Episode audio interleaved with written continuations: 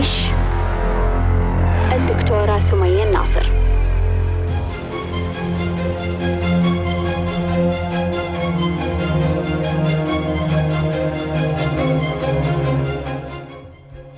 مساء الخير مساء الحب مساء السلام مساء الجمال. مرحبا بمستمعينا على بانوراما FM وإنستغرام live في ليش؟ ليش ليش ليش ليش؟ وسؤالنا لليوم ليش أنا مستنزف؟ ليش أنا مستنزف؟ لأن وضعي الصحي متدهور. ليش أنا مستنزف؟ لأني مرهق جسديا. ليش أنا مستنزف؟ لأني تعودت على بذل جهد جسدي أكثر مما أتحمل. ليش أنا مستنزف؟ لأنه ليس لدي الأموال الكافية. لأن عندي ديون أنا مستنزف لأني مرتبط بأشخاص لديهم الكثير من المشكلات أنا مستنزف لأني مرتبط بأشخاص لديهم الكثير من الفوضى المشاعرية والفكرية في حياتهم. أنا مستنزف لأني سمحت لأشخاص حولي باستغلالي. أنا مستنزف لأني غيرت معتقداتي ومفاهيمي كثيرا. أنا مستنزف لأني محتار لوقت طويل. أنا مستنزف لأني متأخر في اتخاذ قرار مهم. أنا مستنزف لأني أعتقد بأني لا أؤدي واجبي بالقدر الكافي. لأني أسعى للكمال. أنا مستنزف لأني في حالة انتظار منذ وقت طويل. أنا مستنزف لأني أؤنب نفسي طوال الوقت على أخطائي. أنا مستنزف لأني أشعر بالشفقة تجاه مشاكل الآخرين. أنا مستنزف لأني حزين ومكتئب. أنا مستنزف لأني خائف. أنا مستنزف لأني غاضب وأدمر نفسي والآخرين. أنا مستنزف لأن لدي الكثير من الأهداف وأعمل عليها. أنا مستنزف لأني لا أعرف أولوياتي. مستنزف لأني لا أعرف كيف أوقف هذا الاستنزاف. أنا مستنزف لأني في مكان يستنزف طاقتي. أنا مستنزف لأن مصادري الطاقية تستنزف طاقتي. أنا مستنزف لأني عالق في طفولة ما زالت تستنزف طاقتي. لأني عالق في مشكلة حالية تستنزف طاقتي.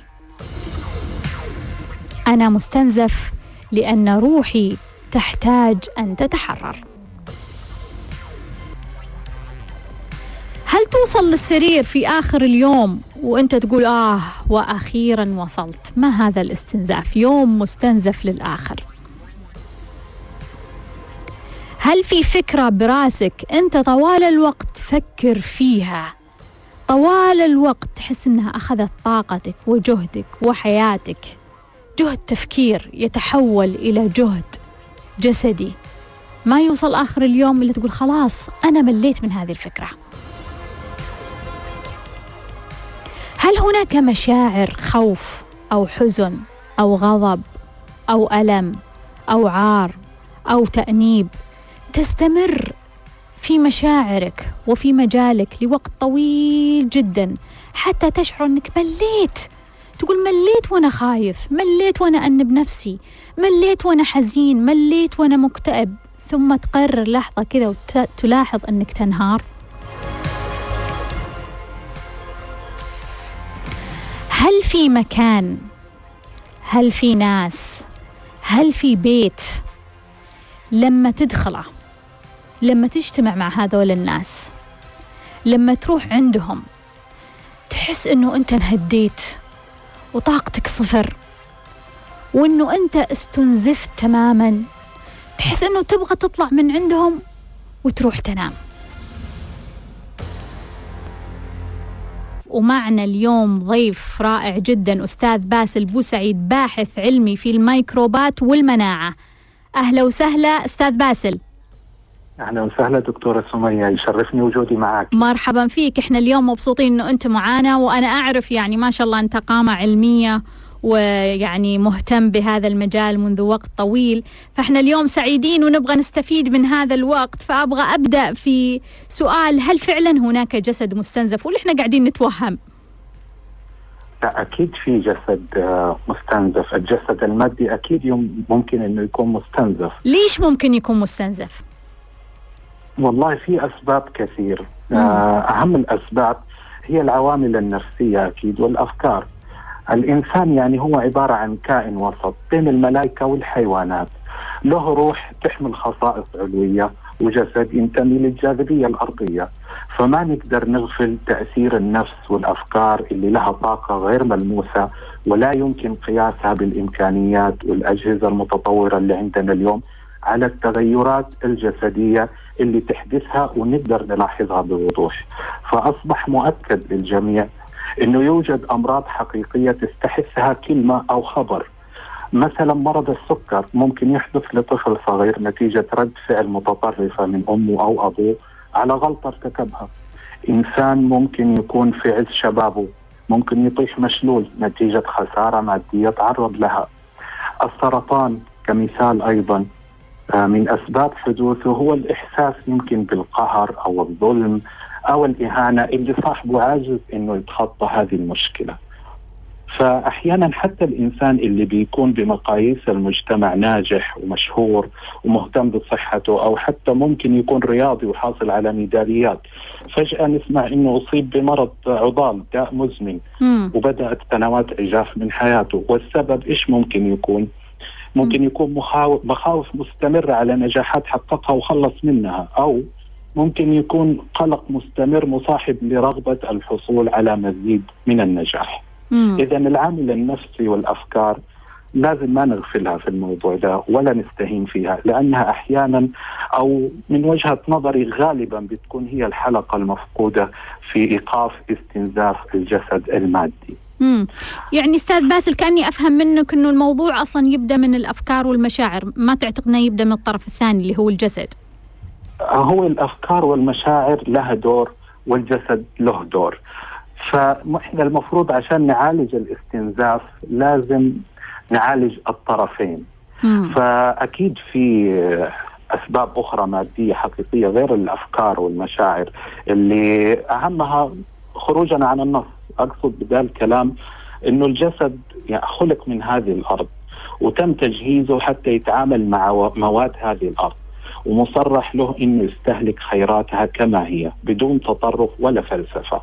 مم. فاللي بيحصل من بداية الثورة الصناعية في الغرب في القرن الثامن عشر أدى إلى إنه يحصل تغيير كبير في الأغذية اللي بنتناولها.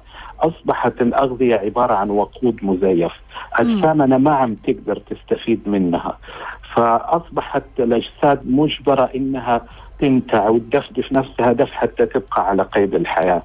كمثال فقط بس عشان توضح الفكرة الحبوب مثلا اللي عم ناكلها كل يوم رز قمح الشغلات هذه علوم التغذية والزراعة تثبت لنا بالأبحاث والتحليل الكيميائي والبايوكيميائي أنه قشرتها تحتوي على 95% من العناصر الغذائية. وأنه لبها معظمه نشا صرف. وبقايا قليلة جدا من المواد الغذائية الطفيفة. طيب ليش نحن نجري وراء الدعايات ونتناول رز أبيض خبز أبيض مكرونة بيضة؟ الطعام مم. الطبيعي اللي جاي من خضروات فواكه حبوب كاملة بقوليات لحوم حليب كلها تحتوي على مغذيات في تشكيلة وتركيبة واسعة من عناصر معدنية مختلفة، فيتامينات مختلفة، إنزيمات مختلفة، تناولها كما هي جسدنا يقدر يستخدمه يقدر يستفيد منه يقدر يبني منه. ونواتج تمثيلها والفائض منها يستطيع إنه يتخلص منه بواسطة الأجهزة المختلفة الموجودة فينا. وإنه نطرحه بسلام.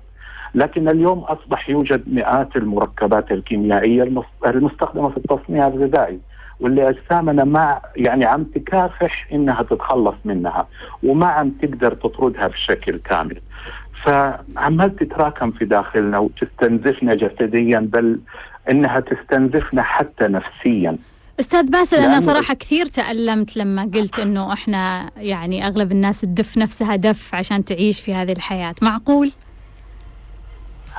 نعم لأنه مستنزفين من ناحية الأفكار والمخاوف وأيضا زدنا الطين بلة فالأفكار والمخاوف دي بتخلينا نتوجه للطعام المصنع لأنه خلاص الطعام أصبح هو متعتنا الوحيدة. مم. فعشان نقدر نتخطى الآلام والمخاوف والقلق اللي في حياتنا فأوجدنا المتعة المزيفة هذه بالطعام. ويا ريته كان طعام جيد. لا كله طعام يعني صناعي كله طعام مستفز للمخ. طيب. فين إحنا تعبانين؟ أستاذ باسل كيف نعرف كيف نعرف الجسد المستنزف أو نميز هذا الجسد المستنزف؟ الجسد المستنزف. سهل جدا نعرف كيف إنه جسدنا المادي مستنزف. مم. الأمراض الأوجاع الآلام المتكررة هل آه، ننتظر لما يصير في مرض عشان نعرف إنه إحنا مستنزفين؟ يعني ما في إشارة كذا تدل من بدري. قليل من التعب أو الإرهاق ممكن يخلينا نعيد تفكيرنا. هذا الإنسان اللي عنده وعي. اي يعني المفروض إحنا ما نتعب أستاذ باسل؟ المفروض إحنا ما نتعب؟ لا. ولقد خلقنا الإنسان في أحسن تقويم. المفروض ما نتعب. قوين بالمرة.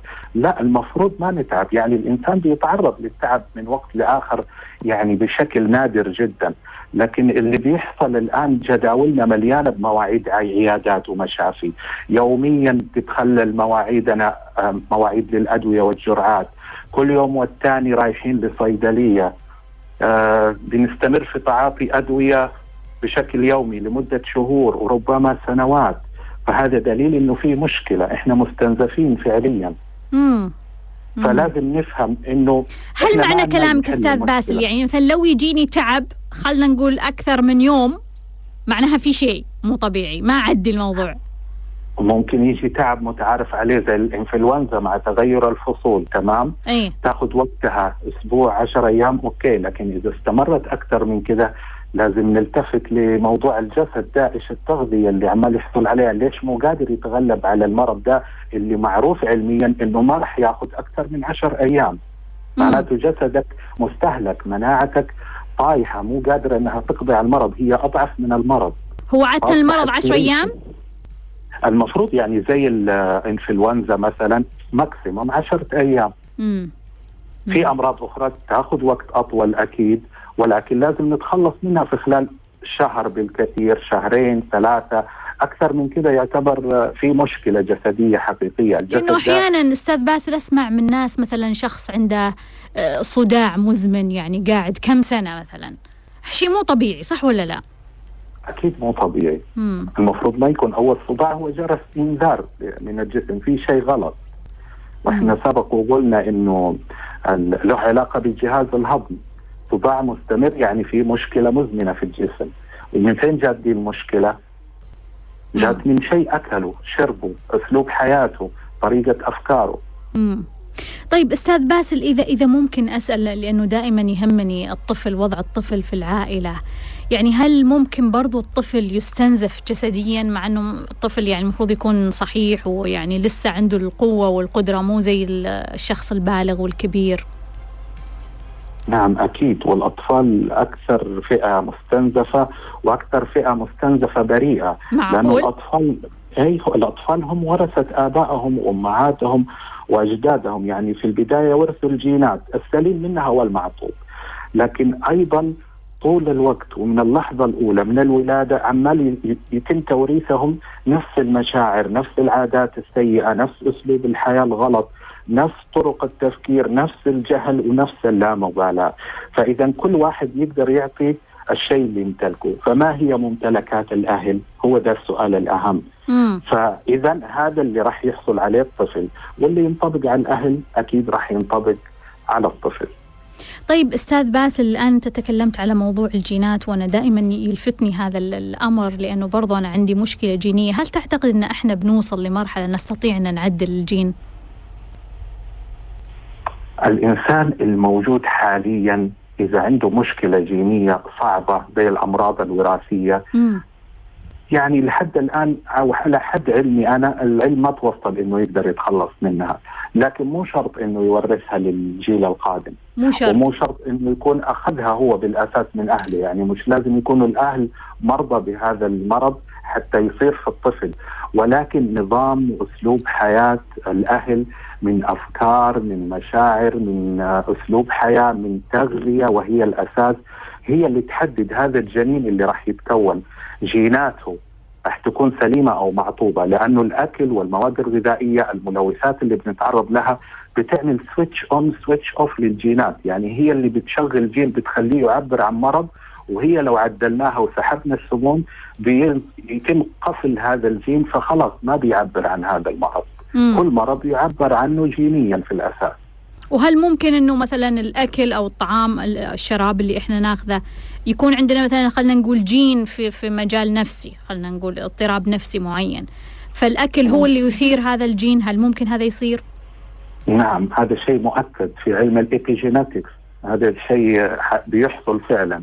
الأكل بيأثر السموم المواد الصناعية اللي داخلة بتأثر بتخلي الجين ده يشتغل فيعبر آه، بأعراض المرض النفسي هذا. فلو نظفنا الأكل وسحبنا السموم من الجسم بيتم إغلاق هذا الجين فخلاص هو موجود في جسم هذا الإنسان. مم. تمام؟ مم. ولكن لا يعبر عن مرض فما بيظهر المرض على هذا الإنسان. ولكن ممكن يورثه للجيل لأولاده. تمام مم. فأولاده في تلك الساعة إذا اتبعوا نظام حياة صح سيء غير صحي فيتم تشغيل الجين من جديد ويظهر المرض النفسي اللي كان عند أبوهم أو أمهم. آه. لو اتبعوا حياة صحية راح يرجعوا يقفلوا هذا الجين وما حيكون في مرض. مم. بس أبغى يعني تساعدنا وتساعد المشاهدين والمستمعين في خطوات لإيقاف الاستنزاف هذا. يوجد دائما حلول لأي مشكلة فأنا حابب الخصها في ثلاث خطوات م. اولا نغير أفكارنا ونظرتنا للأمور لأنه الجسد ساكنة في روح ونفس لهم أفكار عرفنا إنه لهم تأثير مباشر عليه فلازم نسامح ونغفر وعشان نقدر نسامح لازم نعرف ليش الظالم ظلمني؟ ليش قليل الأدب أهانني؟ لازم أفهم أنه كل إناء بما فيه ينضح وأنه هؤلاء هم في حقيقة الأمر. ممكن يكونوا ضحية الضحية ميراث من الغضب والكراهية ينتقل من جيل لجيل. لازم تقرر أنت أنك تدقق في هذا الميراث وتتنازل عن الجزء الحرام اللي فيه حتى ينشأ من خلالك جيل أفضل وأكثر وعي. ثانيا أول كلمة نزلت في الكتاب الخاتم كانت اقرأ. مم. اقرأ أكثر. ابحث عن تفاصيل كل شيء. اتعلم بنفسك. وكون منفتح على جميع العلوم. دقق في تفاصيل كل شيء حولك. لا تلتزم بمنهج واحد. لا تقتصر على مدرسة واحدة. آه، ما حد يمتلك أطراف العلم. مم. كل واحد عنده صحيح. قطرة من بحر العلم. مم. النقطة الأخيرة حتى تغير وضع جسدك من المرض والألم إلى الصحة والراحة لازم تغير أكلك. بكل بساطة قاعدة بسيطة جدا اصنع طعامك بيدك من أبسط الخامات الطبيعية. بلاش أكل مصنع ومعلب ومحفوظ ومكرر ومقشور وملون. ادخل المطبخ واطبخ. واعبد الله بصيانة واحترام هذا الجسد اللي منحه لك. ما عندك وقت؟ ثق تماما إنه غصبا عنك راح توجد وقت للمرض طالما صحتك ما هي عزيزة عليك. أوه هذا كلام خطير. راح توجد وقت للمرض إذا ما أنقذت نفسك. طيب أستاذ نعم. باسل الناس يسألون الآن عندي على حساباتك كيف يوصلون لك؟ كيف يتواصلون معك باسل بوسعيد على جوجل حيوصلوا لي إن شاء الله. بسيط يعني بس باسل بوسعيد يوصلون لكل الحسابات. بإذن الله. شكرا جزيلا شكرا جزيلا أستاذ باسل شرفنا بهذا اللقاء نعم. وهذه المعلومات القيمة. أشكرك. على قبولك لهذه الدعوة. ممتن للاستضافة الكريمة شكرا جزيلا. الله يحفظك. إلى اللقاء.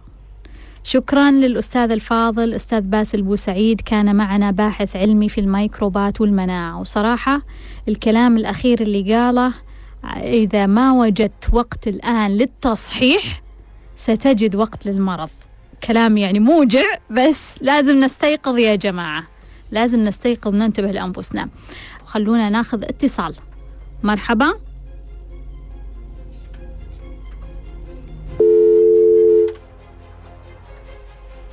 مرحبا. أهلا وسهلا. السلام عليكم. وعليكم السلام. آه، دكتورة لو سمحتي أنا دقيت عليك الأسبوع اللي راح سألتك سؤال والظاهر ما مدت تجاوبين عليه مع وقت. سهام؟ لا أنا أمل. أمل. أنا أيوة. باقي عندي بس سهام وسوسو برجع أجاوبهم ب- ولا كل الأسئلة اللي عندي مخلصتها. مجاوبتها ما أفتكر يمكن أنت ما كتبتيه والله ما أفتكر بس اللي لا هو عادة خليني أقول لك يا أمل عادة إذا أنا ما جاوبت على السؤال في العادة يكون في آخر الحلقة فتلقيني الحلقة اللي بعدها جاوبت على سؤالك فهمتي؟ آه طيب خليني أسأل لأن أنا ما سمعت الإجابة ارجعي تلقينها في البودكاست أي رجعت سمعت البودكاست مو موجود يلا. عطيني وحتى. يلا عطيني okay okay راح تتذكرين بالحين لما يلا. أسألك. آه، كان سؤالي إنه من أهدافي في 2019 السلام والتسامح. وكنت أنا حاطة هذه الأهداف عشان شخص في حياتي. وبعدين توفي الشخص- هذا الشخص. إيه هذا الشخص توفى الله يرحمه. مم. فأنا قلت لك إنه إيش الرسالة؟ إنه آه، كان هدف مهم عندي وراح وإنه الشخص توفى. طيب. أقول لك يا أمل حبيبتي شرفتيني. الله يسعدك. شكرا. وناخذ اتصال. مرحبا. مرحبا. السلام عليكم. أهلا وسهلا مين معاي؟ كيفك دكتورة؟ بخير وعافية أهلا وسهلا. أهلا فيك دكتورة اسمي فاطمة. أيوة. دكتورة عندي سؤال بس خارج موضوعك. سمي. دكتورة أنا تعرضت لفقد توفى أخوي الله يرحمه. قبل سنتين تقريبا. كان بعد تخرجي من الجامعة على طول. إلى الآن الفقد مأثر فيني يعني. وكل يعني كل ما أبغى أفكر كذا إني أبغى يعني أرجع أحب الحياة وزي كذا بس أحس إن كذا خلاص الدنيا ما تسوى يعني. دائما. أحس زي كذا. طيب. يعني كيف أتعامل مع الفقد؟ كيف أتقبله في حياتي؟ أنت صار لك سنتين يا فاطمة حزينة؟ أيوه دائما أتذكره يعني. كثير مم. أتذكره كثير مم. طيب خليني أقول لك يا فاطمة طيب حبيبتي آه، دكتورة في سؤال ثاني؟ سمي. آه، أنا يعني تعرضت لمواقف وأنا صغيرة و... وفي المراهقة زي كذا إلى الآن أتذكرها وأحس أكره نفسي فيها. مم. أمم، كمان أكره نفسي أحيانا أكره شكلي. مم. حتى شكلي أحيانا ما أتقبله. مم. يعني نفسي أغير نفسي إني آه، أثق في نفسي مم. آه، يعني حتى شكلي أبغى أحبه مم. عشان اللي حولي يحبوه أنا أحس ماني قادرة أتقبل شكلي مم. مم. آه، دكتورة كمان كورس الثقة مم. مقفل التسجيل صح عندك صح يعني متى يرجع إن شاء الله نفسي كثير أدخله مم. كان مفتوح لشهر ما ما كنتي مهتمة بالموضوع كنت مهتمة بس للأسف ال- أحس كانت عندي آه، بديت أسمع مقاطعك. لشهر تقريبا. مم. فأجلت الموضوع. قلت أبدأ أول شيء بالمتوفر مم. إيه، بس. طيب حبيبتي يا فاطمة. حبيبتي أقول لك شكرا جزيلا. ناخذ اتصال. مرحبا. السلام عليكم. وعليكم السلام. أهلا وسهلا من معاي؟ دكتورة سمية. أهلا وسهلا. آم، أحب استشيرك والله بما أن أنا يعني زواجي قريب بعد شهرين وأبي نصايحك والله. سمي مين معاي؟ مرة مرة أحبك ومرة أتابعك من يا حبيبة قلبي مين معاي؟ نسرين. نسرين. تفضلي يا نسرين. آه أنا زواجي بعد شهرين وزواجي مبتعد وأهلي هنا يعني في السعودية. وحابة نصايحك يعني شلون الواحد يتجاوز الغربة وشلون الواحد يبدأ حياة جديدة ويتأقلم. مم. طيب بس. أقول لك أقول لك نسرين حبيبتي. وناخذ اتصال مرحبا. الواحد يتجاوز الغربة وشلون الواحد ألو؟ أهلا وسهلا مين معاي؟ دكتورة سمية كيف حالك؟ خير وعافية. أنا سبق اتصلت فيكي قبل أسبوعين يمكن هذه المرة. الثانية. مين معاي؟ معاكي رزان. أهلا وسهلا يا رزان. دكتورة أنا اللي قلت لك آه، كانت عندي مشكلة مع الوالد وبعد المشكلة حسيت إنه كانت عندي رجلين مقيدة وواحدة انفكت واحدة لا. تذكرتك إيه أوكي. أنا صار لي وضع غريب شوي. أنا كانت أول عندي الموضوع الحلقة اليوم عن استنزاف الطاقة صح؟ إيه طيب أنا أشوف إنه أكبر سبب صراحة المجتمع لأني أنا أعاني الحين من مشكلة أنا الكبيرة في العائلة فعندي ضغط مجتمعي كبير على إني أتزوج. في. نفس الوقت أنا ماني شخص يعني متأخر أو غير منجز. أنا أشوفني شايلة نفسي يعني وظ- متوظفة شايلة نفسي تماما. بس في نفس الوقت المجتمع له نظرة دائما سيئة إنه ليش؟ وليش؟ وأنا أحس إني ماني مستعدة. مم. هل هذه تكون رسالة لشيء؟ لو اضطريت يعني يعني لو قلت لا مو في صالحي في صلاحيات حتنسحب مني كثير. لو قلتي لا ما أبغى أتزوج؟ اي مو في صالحي. وش بيسوون؟ تنسحب صلاحيات كثير اول الوظيفه ممكن. شلون تنسحب الوظيفة؟ الوظيفة بس يعني ممكن متزوجات؟ أحرم ممكن أحرم لا يعني ممكن أحرم إنه ليش لا أكيد في سبب يعني آه مشكلة العائلة ما تفكر إنه يعني ما تفكر إنه أنت مثلا عشان أهدافك آه انه عندك شيء. مشغولة بشيء إي إي إي عندك بالضبط. واحد يعني مشغولة معاه إي بالضبط إي بالضبط طيب فما أقول أدري يعني. شلون أتصرف مع الموضوع هل هذا رسالة أقول لك يكون يعني. انعكاسي فعلا حبيبتي أقول لك الله يسعد قلبك شكرا شرفتيني مع السلامة وناخذ اتصال. مرحبا. ألو؟ أهلا وسهلا من معاي؟ مرحبا دكتورة معك العنود من الرياض كلمتك أمس. حبيبتي العنود أهلا وسهلا. الله يسلمك. دكتورة أنا سمي. عندي تجربة عن المرض. امم دكتورة أنا قعدت مريضة بال migraine لمدة 13 سنة. إيه.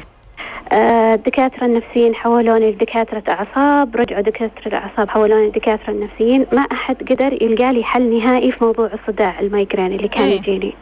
كان يجيني بطريقة متواترة يعني يجيني مثلا كل ويكند كل ويكند خلاص معروف أنا الصداع لازم يجيني.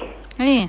آه، دخلت معاك الوعي الطفولي راح الصداع بنسبة 60% دكتور مع أني قعدت 13 سنة آخذ حبوب مهدئة. أوف. آه، وحبوب مهدئة آه، مضادة للاكتئاب ومهدئة عشان تخفف الصداع. كانت تخفف بس ما كان يروح. كان برضو يعني النوبات بدل ما تجي كل أسبوع صارت تجي كل أسبوعين أو كل ثلاثة. إيه أخذت الو- ال- ال- السول ديتوكس. خف 50% أخذت التنفس 70% مم. مع الوعي الطفولي الحين 90% دكتورة. ما شاء الله ما شاء الله. أخبار جميلة ففعلا المشاعر والأحاسيس دكتورة كثير كثير كثير تغير معاي موضوع ال- الصداع والألم. امم الحين صار يجيني بس مرة قليل والحالات خاصة. يعني مثلا إذا كنت مواصلة ملخبطة بالنوم آه آه، بس كذا يعني. امم وإن شاء الله دكتورة أتخلص منه بمية بالمية. يا حبيلك شرفتيني العنود. شكرا دكتورة. برافو أخبار جميلة. يعطيك العافية. الله يعافيك. ناخذ اتصال مرحبا. مرحبا. ألو؟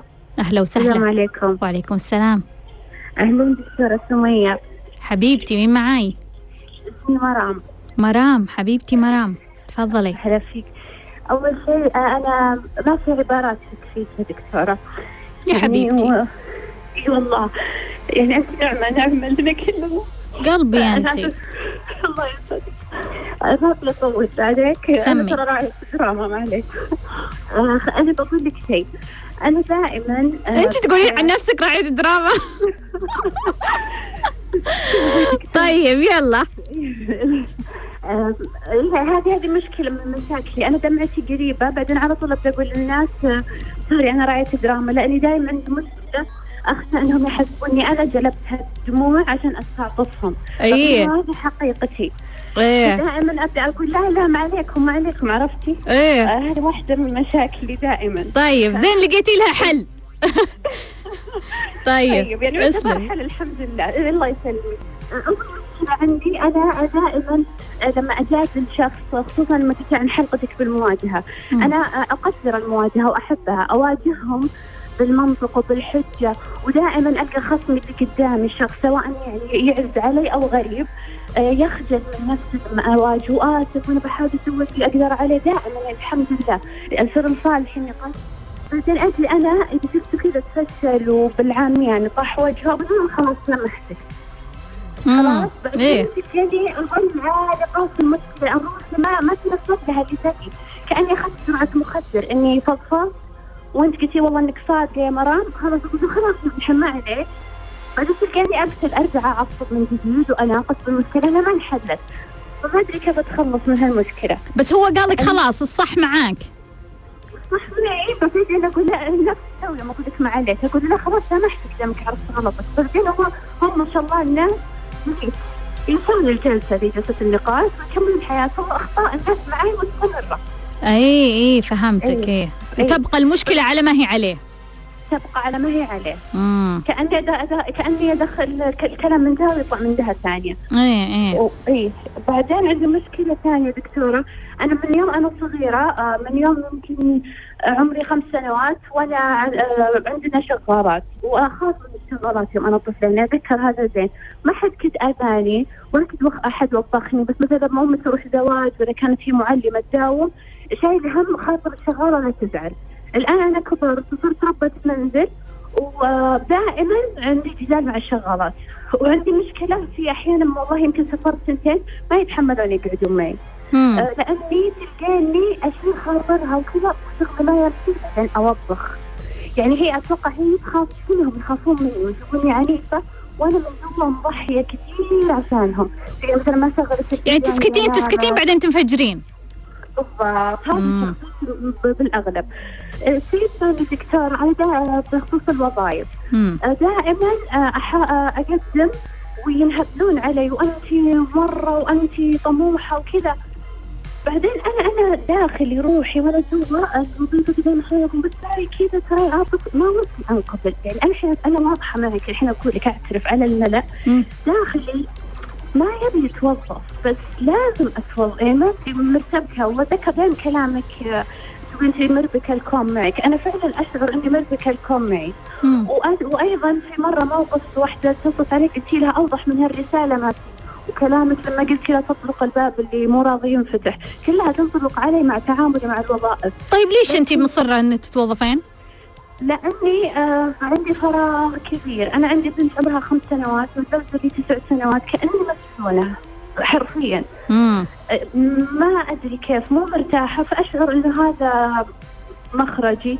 بينما أنا آه، يعني فنانة رسامة فنانة تشكيلية والكل اجمع إنه هذا ممكن يكون هو احتمال الأفضل يعني حتى لما آه، لما شفت قيمي وكذا. وهو الأسرع وهو الأقصر. لكني قاعدة تصير ظروف يعني دكتورة رتبت البيت عشان أقدر أبدأ أرسم. صارت لي مشاكل مع زوجي طردني من البيت وحطيت كل أغراض الرسم في كراتين يعني متشوشه ما تتخيلين قديش. حاليا أنا خلاني أرفع السماعة وادق عليك اليوم في شركه لي شهر أسوي معهم مفاوضات اليوم دقوا قالوا قفلنا البوزيشن يعني وأنا موقنه إنه أنا ما أبغى أتوظف أنا أبغى احتمالي الأفضل بس مم. ماني طيب عارفة. أقول لك يا إيه. مرام حبيبتي أقول لك. شرفتيني. أهلا وسهلا الله. يحفظك يا من قلبي كل وياك. يا. مع قلبي، الله. يحفظك. bye bye.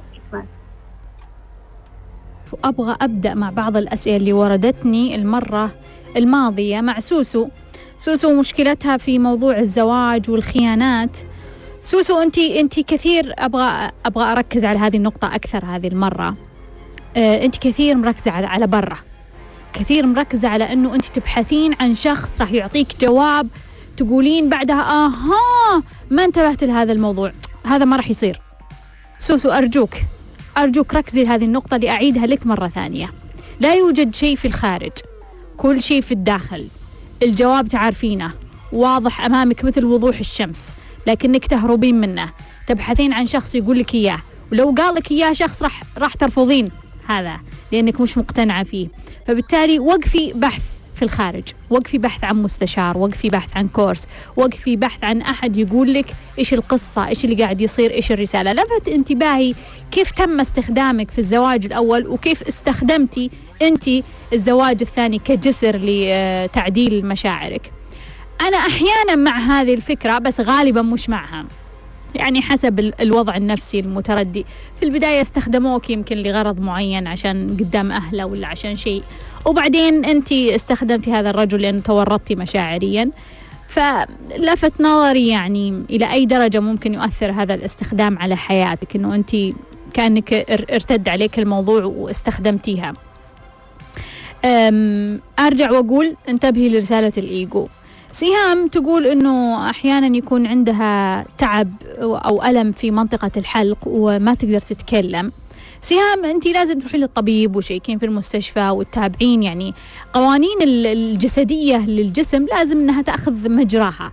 لكن إحنا نتكلم عن القوانين المشاعرية والفكرية. أحيانا إحنا لما يكون عندنا مشاعر ونكتمها نكتمها ما نقدر إن نعبر عن هذه المشاعر بطريقة صحية. ما أقصد أنه أنت تصرخ وتغضب وتنفخ على الآخرين وتسوي مشاكل. لا أنه أنت تعبر عن مشاعرك بطريقة متزنة لما إحنا نكتبها قد تتألم منطقة الحلق وقد يكون لها تبعات. سهام تقول أنا حضرت كورس التسخير وما طبقت لأنه يتطلب صمت. أه سهام خلني أقول لك أنه في تجارب حول العالم الأشخاص اللي يطبقون الصمت يعني يعتبرون جدا نادرين أصلا اللي يقدرون يوصلون لهذه المرحلة أنه أنت يعني بدون جوالك بدون تلفزيون بدون أي أشغال بدون أي أجهزة فقط تتوقف وتصمت. فقط. يا جماعة أرجوكم هل تستطيع أنك تصمت لعشر دقائق؟ بس اصمت بدون ما تقعد تفكر بدون ما تنشغل بشيء بدون ما تشوف جوالك بدون ما تتابع شيء بدون ما تهتم لشيء فقط اصمت. مين الشخص اللي يستطيع إنه يصمت ثلاث أيام ولا عشر أيام ولا خمس أيام؟ هذا شيء يعني يعني شيء متقدم جدا. لذلك أنا دائما أنصح إنه الإنسان يتدرج في التعلم وفي التطور.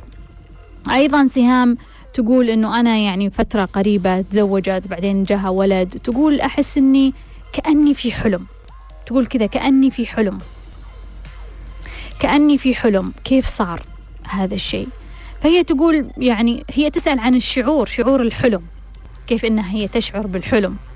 هذا الشعور يعني ليش هي تشعر بهذا الشعور؟ سهام خليني أقول لك إحنا في حلم. إحنا في حلم يعني يعني إحنا في حلم. يا ليتني قدمت لي حياتي يعني يعني يوم من الأيام تستيقظين تقول آه كنت في حلم. مو الكل يقدر يشوف هذه الزاوية أو مو الكل يقدر يحس هذا الإحساس أو مو الكل يقدر يعني يتقمص هذا الجهة اللي يقدر يفهم فيها واقع معين. أحيانا إحنا نحس بهذا الإحساس لأن فاقدين لل control. كأنه شفتي يا سهام يوم من الأيام لما تمر علينا أحداث حياتنا وإحنا ما في ما لنا يد ما لنا control ما لنا تأثير على هذه الحياة. تكون حلم تكون مثل الحلم. شفتي لما تكونين في الحلم لما تكونين نايمة وأحداث الحياة تمر قدامك تشوفينها بس مالك تأثير عليها. مالك أمر ولا نهي ولا بس أنت تتفاعلين مشاعريا بس ما تقولين لا أوقف هذا لا أفعل هذا لا. أحيانا هي حياتنا كذا. أحيانا تكون حياتنا رديئة إلى هذا المستوى أنه إحنا ما عندنا تأثير على هذه الحياة. فكأنها كذا مصنوعة وإحنا نعيشها. كأن فيلم وإحنا حاضرين هذا الفيلم. جزئية أخرى أبغى أقولها للسهام أه ولبعض الأشخاص أنه بعض الناس يعيشون كثير من العمق في الحياة من خلال الألم. انتبه لهذا الكلام. بعض الناس يعيشون ما يستطيعون يفهمون عمق الحياة إلا من خلال الألم. فلما تترتب لهم الحياة وتكون الحياة جيدة وجميلة. يشعرون بأنها حلم لأنه الوعي يكون خفيف. الوعي يكون خفيف كأنه مارر كذا مرور الكرام على الحالة. كأنه أنا تزوجت كذا مرور الكرام. خفيف ما حسيت. ما اكتسبت المعنى. ما تعمقت في الحدث. بعدين يمر جاني ولد. شعور خفيف. ما تعمقت. ما حسيت بمعنى إني عندي ولد. ما حسيت بعمق الحياة. فهذا مرور الأشياء الجميلة والأحداث هذه للأسف للأسف إنه يورطنا في مشكلة ان نضرب القاع مرة ثانية. فنحتاج عمق للحياة. فوين الجمال؟ الجمال إنك تتطور وبعدين تغير برمجتك وتغير راسك وتغير نسختك وتستمتع بجمال الحياة. تجد المعنى في المتعة. تجد المعنى في الجمال تجد المعنى في الفرح تجد المعنى في الحب. يا جماعة مين يشوف الحب؟ مين يحس الحب؟ مين يعيش الحب؟ مين يعطي قيمة الحياة في الحب؟ مين يشوف معنى الحب في الحياة؟ هذه هي الحياة. هذه حياة إنك أنت توصل لها في النهاية. بس إحنا ما دمنا نحاول إنه ممكن نحس بهذا الحلم. سهام برضو تقول حضرت آه، كورس كارما الثراء من ثلاثة أشهر وبعدها جتها وظيفة الراتب فيها بسيط. وتقول آه، قبلت فيها لكن جتني ضغوطات الزوج إنه هو يبدو يضغط عليها. حسب ما فهمت آه إنه يضغط عليها إنه يعني ممكن يحتاج فلوس منها أو يضغط عليها إنها تشيل بعض الأشياء في البيت أو مطلوب منها إنها تأدي بعض المهام في البيت. سهام أبغى أقول لك أنا مش ضد فكرة إنه المرأة تساهم في البيت. آه الزمن ليس زمن قانون آه يعني لا يناسب هذا الزمن صراحة الزمن تغير إنه المرأة أصبحت حاضرة قوية لها تأثير عندها أموال موجودة لها يعني وجودها. فكون إنه تجي امرأة عندها وظيفة عندها فلوس وزوجها عنده وظيفة وعنده فلوس بعدين تقول لا والله أنا ما أبغى أشارك أنا م- لازم الرجال يدفع. طب طب ماذا إذا كان هو دافع؟ هو يعني مجتهد هو مأدي وجايب فلوس ودافع فلوس لنفسه ولعياله وللبيت بس يعني هو هو أنت إيش تبغين بتسوين بفلوس أصلا؟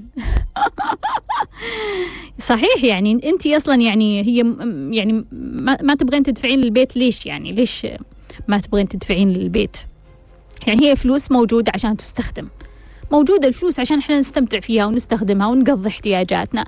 نبغى ناكل نبغى نشرب نبغى نستمتع نبغى نسافر نبغى نروح نبغى نجي. وين تخبين تخبينها لايش يعني؟ يعني تخبينها عن زوجك. ليه ليش ليش هال هالفكرة إنه دائما عند المرأة فكرة إنه لا.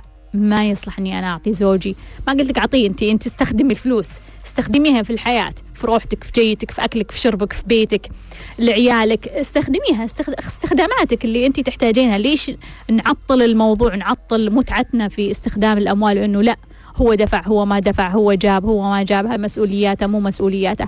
في حالات نعم في حالات إنه والله عندي رجل عنده أموال ممتدة ومخبيها ولا قاعد يد- يدفعها يعني آه، برا على كم بنت وقاعد يفسفس الفلوس على ليلات ساخنة. okay أقول يا stop انت وين رايحة يعني؟ تدفعين رجل لا يستحق. بس غالب الرجال هم قاعدين يدفعون لبيتهم قاعدين يدفعون يعني لعيالهم لأكلهم لشربهم. وين تودين الفلوس؟ وين تود- تودين لصديقاتك يعني؟ يعني شيء مش منطقي يعني. فأنا أعتقد إنه الزمن تغير. آه، إحنا لازم نطور من تفكيرنا بما يناسب زمننا. إحنا لازم نطور من طريقة تفكيرنا. المرأة يعني هذا هو عصر المرأة الآن. المرأة أصبحت حاكمة الدول. يعني معقولة يعني آه، تقول زوجها لا أنا ما أدفع يعني. ف, ف في كثير من من ال- القوانين أعتقد أنها لا تتناسب مع هذا العصر. آه، أمل أمل رجعت آه، تسألني على موضوع الرسالة. أمل ما في رسالة ما في رسالة. إذا أنت ما تأثرتي ما في رسالة. هذا هو ال- الرسالة يعني أنه شيء لامسني شيء استشعرته شيء يعني أثر علي. فاطمة أخوها الله يغفر له ويرحمه توفى من سنتين بعد تخرجها من الجامعة. وكان الفقد عندها جدا مؤثر وهي صار لها سنتين حزينة. فهي تقول أنا يعني مو قادرة أطلع من هذا الحزن. فاطمة أول شيء أبغى أقول لك إياها.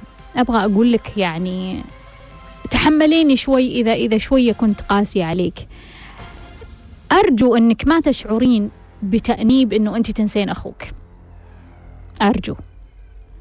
لأن هذه أغلب الورطة مع كثير من الأشخاص اللي يتورطون بحزن لأنه إحنا بطبيعتنا ننسى. ننسى يعني إحنا إنسان يعني ننسى. فيصير حدث يعني هل مثلا صدمة صارت لك في حياتك بنفس اليوم نفسها من بكرة نفسها من بعد سنة نفسها من بعد عشر سنوات؟ لا أكيد غير. أكيد أنه أنت نسيت وصارت المشاعر أخف وصار الألم أخف. فبالتالي فاطمة المفترض لما تتأخر الوفاة يعني كلها كم سنة؟ أكيد يكون المشاعر مختلفة. إحنا وش نسوي؟ بطريقة لا واعية.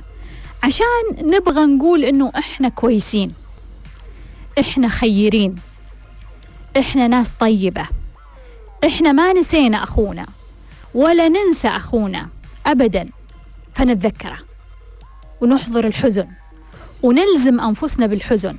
فكأنها برمجة خفية تخلينا نلزم أنفسنا بأن نتذكر الغائب عشان نحزن. وبكذا أنا أكون أرضيت ضميري. بكذا أنا أكون أرضيت شعوري أني أنا أخت جيدة. أنا صاحب جيد. أنا شريك جيد. أنا ابن أو بنت جيدة. فأنا ما نسيتكم. لا لا لا أنا قاعدة أحزن. شوفوني. ما يشوفونك ولا يدرون عنك.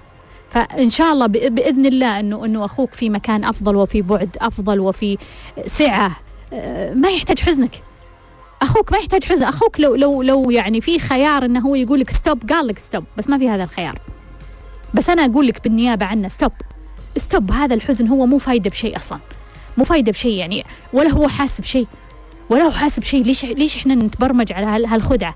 وانت انت يعني لا انت سيئة ولا انت شريرة ولا انت يعني رديئة إذا ما حزنتي انتهى. تاثرتي وقتها وانتهى الموضوع. خلاص توقفي عن الحزن. السؤال هل أنا ألومك الآن أنك حزينة؟ لا. إنه ما زال في بقايا حزن لكن بيدك إنك تطلعين نفسك من هذا الحزن. بيدك إنك تتخذين القرار وتقفزين مرحلة عن هذا الحزن. بيدك إنك ت- تجبرين نفسك إجبار نعم إجبار إجبار. العقل اللاواعي الآن هو اللي يقود هو اللي سوى الخدعة اللي اللي شرحت لك إياها. فاطمة فاطمة استيقظي استيقظي. العقل اللاواعي هو اللي سوى الخدعة اللي قاعدة أقول لك إياها. فالآن عشان إحنا نسيطر على العقل اللاواعي هذا الطفل اللي قاعد يقودني لابد إني أعي. لابد إني أحط خطة أحط جدول أطلع من غرفتي أطلع من البيت. اكتبي عشرة أشياء تمتعك يا فاطمة. عشرة أشياء تجعلك سعيدة ومبسوطة. وسويها. سويها جدول إلزامي ما في خيارات. لأنك إذا ما سويتيها فمعناها أنت استسلمتي بالقيادة للطفل هذا اللي مسوي خدعة عليك. سويها. التزمي أنك تسوينها. 21 يوم التزامك بأنك تعيشين شعور جيد بأشياء تسوينها مع أشخاص جيدين تعيشين معهم برمجتك تتغير. بكل بساطة إحنا يعني كائن سهل سهل البرمجة وسهل تخريب البرمجة سهل تدريب الب... تد- تدمير البرمجة. نسرين تقول إنها هي أو أرجع برضو لفاطمة تقول عندها مواقف من الطفولة.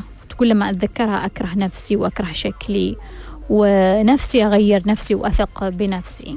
وكانت هي يعني تبغى تحضر كورس الثقة بالناس. فاطمة راسلينا راسلي خدمة العملاء وقولي لهم إنه الدكتورة قالت لي عبر الإذاعة إني أنا آم، يكون لي فرصة آه، إني أحضر هذا ال- الكورس.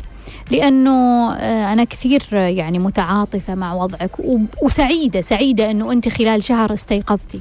إنه انت يعني سمعتيني خلال شهر وانتبهتي إنه انت انت اوه أنا أكره شكلي أنا أكره نفسي. على فكرة في كثير ناس يكرهون أشكالهم وأنفسهم ما يقدرون يشوفون أنفسهم قدام المرايه ما يقدرون يسمعون أصواتهم ما يقدرون يعني حتى يعني يفرحون بأنفسهم ومع ذلك هم مو منتبهين أصلا مو دارين. تخيلوا مو دارين أصلا. فما بالك إنهم إنهم وصلوا مرحله إنهم يعرفون يبغون يعالجون الموضوع. فأنا سعيدة إنه انت وصلتي لهذه المرحلة وتبغين تعالجين هذا الموضوع.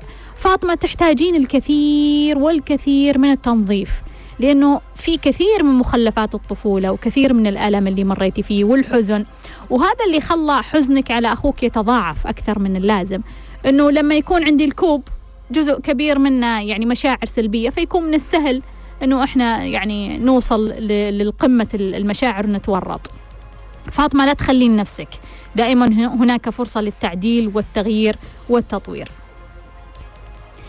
نسرين نسرين تقول زواجها بعد شهرين وراح تتزوج من شخص مبتعث.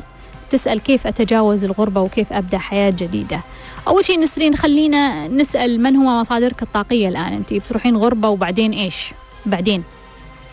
مين ال- ال- المصادر الطاقية لك يعني؟ هل هم أمك وأبوك وتروحين تتركينهم تبعدين عنهم؟ لازم أنت ترتبين هذا الموضوع ترتيب يعني استعداد تام عشان ما تروحين وبعدين تتورطين مشاعريا هناك وتقولين يعني آم، المشكلة وش اللي ممكن يصير إنك أنت يعني تفهمين الزواج بطريقة خطأ وتشعرين شعور غير جيد تجاه الزواج والسبب إنك أنت فقدتي أهلك. أو يمكن يكون أهلك ما مش مصادرك الطاقية ولا تتأثرين. فانتبهي لهذه النقطة. مهم إنك انت تكونين مستعدة ومرتبة نفسك. الشيء الثاني كيف أبدأ حياة جديدة؟ يعني إحنا لو نتكلم من اليوم إلى يعني آه، شهرين قدام عن الزواج والاستعداد للزواج ما راح نخلص. لكن من الجيد إنه انت طرحتي هذا الأمر عشان نذكر كل بنت وكل شاب مقبلين على الزواج. أسألهم أقول مستعدين؟ مستعدين؟ مستعدين تتزوجون؟ هل أنتم مستعدين؟ على فكرة أغلب الناس تدخل الزواج بدون استعداد وبعد ثلاث سنوات تتطلق أو بعد سبع سنوات تتطلق. أو بعد سنة واحدة يبدأون بمشكلات وأزمات وآلام مشاعرية وفكرية وطاقية ومادية وبعدين يبحثون عن حل. بعدين يقول أوه ليتنا تعلمنا ليتنا درسنا ليتنا استعدينا ليتنا فهمنا. الآن عندك الفرصة عندك الفرصة أنك تستعد. عندك الفرصة أنك تستعد. لو تروح للمكتبة وتشتري كتاب واحد. تشتري بس كتاب واحد عن الزواج. أرجوك اللي مقبلين عن الزواج كتاب واحد عن الزواج. أو احضر كورس عن الزواج. ما يصير شوف ال- ال- ال- الصور النماذج اللي قدامك. أمك وأبوك هذا نموذج غير صالح. خلاص. هذا نموذج جيل ناسبته قوانين وأفكار وطرق. ما تمشي الآن. يعني إذا أمك أو أبوك يعطيك نصيحة للزواج أحب أقول لك هذه النصيحة ما تنفع. ما تنفع الظروف تغيرت. بنت الناس ما هي مثل أمك. وولد الناس ما هو مثل أبوك. الزمن تغير والجيل تغير. إذا أنتم ما طورتوا أنفسكم ما غيرتوا أنفسكم حتما الزواج راح يكون خربان. حتما الزواج راح يكون خربان. للأسف أنه كثير من الشباب يستعدون يستعدون والتجهيز والبنت تجهز فستانها وتجهز الكوافير وتجهز كل شيء كل شيء إلا مشاعرها وأفكارها إلا مشاعرها وأفكارها. وهم أهم أهم بكثير من الأشياء. الماديات هذه ما لها قيمة أصلا ما لها قيمة ما لها قيمة في الزواج. المهم أنه أنت تستعد فكريا ومشاعريا. أتمنى تكونوا استفدتوا واستمتعتوا في لقائنا في ليش لليوم. وتذكروا الدنيا خضرة حلوة. إلى اللقاء.